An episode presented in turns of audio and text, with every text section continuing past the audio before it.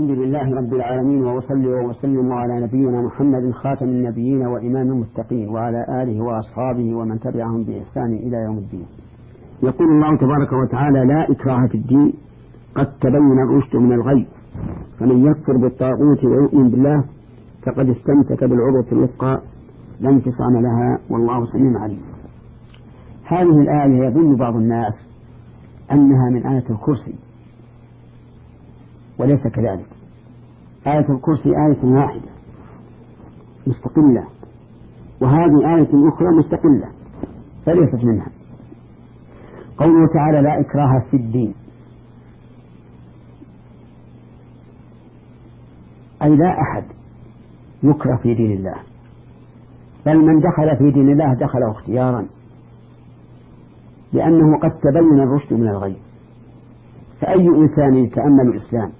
بمحاسنه عبادة وأدبا وخلقا لابد أن يدخل الإسلام مختارا. لأنه رسول الله. ولهذا قال قد تبين الرشد من الغي وهذه جملة تعليل للحكم السابق. أي لا إكراه بالدين لأنه تبين الرشد من الغي. فمن دخل في الدين دخله باختيار. لا بإكراه وليس معنى الآية كما يظن بعض الناس لا إكراه على الدين وأن هذه الآية عن لا إكراه في الدين قد نسخت بوجوب الجهاد. لأن لأن الآية لا تدل على هذا المعنى. بل الجهاد قائم لمن عاند واستكبر. وأما من تمشى على الفطرة فلا يحتاج إلى جهاد ولا إكراه على الدين. والمراد بالدين هنا دين محمد صلى الله عليه وعلى آله وسلم لأنه هو الدين المقبول عند الله. قال الله تعالى إن الدين عند الله الإسلام. وقال تعالى ومن يبتغي غير الإسلام دينا فلن يقبل منه. قد تبين الرشد من الغي أي ظهر واتضح والرشد سلوك طريق الصواب. والغي مجانبة الصواب.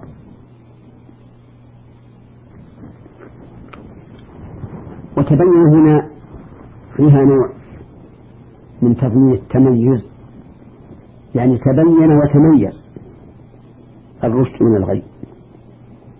ثم ذكر الله تبارك وتعالى أنه بعد تبين الرشد من الغي انقسم الناس. إلى قسمين. ذكر أحدهما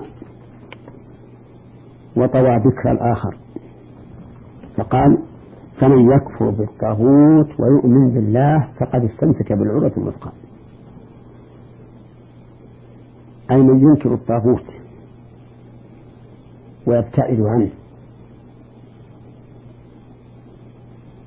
والمراد بالطاغوت كل ما خالف حكم الله عز وجل. فإنه طاغوت. ويختلف. هو على درجات. بل هو على دركات.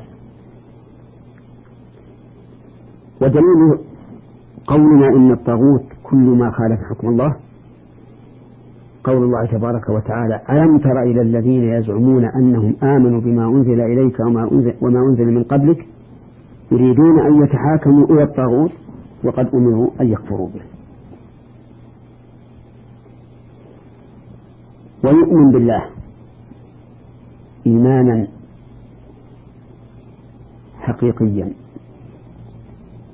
خاليا من الكفر خاليا من من الشك خاليا من الشرك.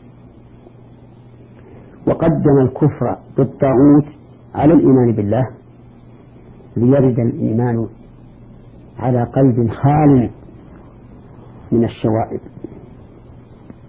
ولهذا يقال التحلية قبل التحلية. يعني خلي مكان من الشوائب ثم حله زينه ولهذا جاء النفي في كلمة التوحيد قبل الإثبات. لا إله إلا الله. فقد استمسك بالعرف الوثقى استمسك بمعنى تمسك.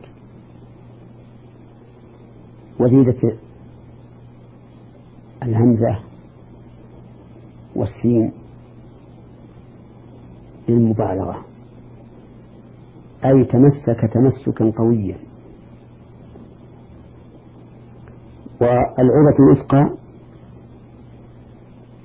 هي ما يتمسك به الإنسان كالعرى التي تكون في جوانب البركة أو البئر لمن أراد السباحة.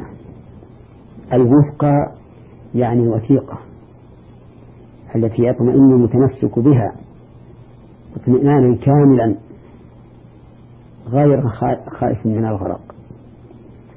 لا انفصام لها أي لا انقطاع يعني عروة وثيقة لا تنقطع. والله سميع عليم أي سميع لكل قول عليم بكل فعل بان أو خفي. في هذه الآية الكريمة أنه من الفوائد أن الدين الإسلامي دين الفطرة. يقبله كل ذي فطرة سليمة. وأما المعاند المستكبر فهذا يصدق عليه قول, قول, قول الله تبارك وتعالى إن الذين حقت عليهم كلمة ربك لا يؤمنون ولو جاءتهم كل, كل آية حتى يروا العذاب الأليم. وقوله تعالى وإن يروا كل آية لا يؤمنوا بها. ومن فوائد هذه الآية الكريمة وحكمها أن الدين الإسلام الإسلامي رشد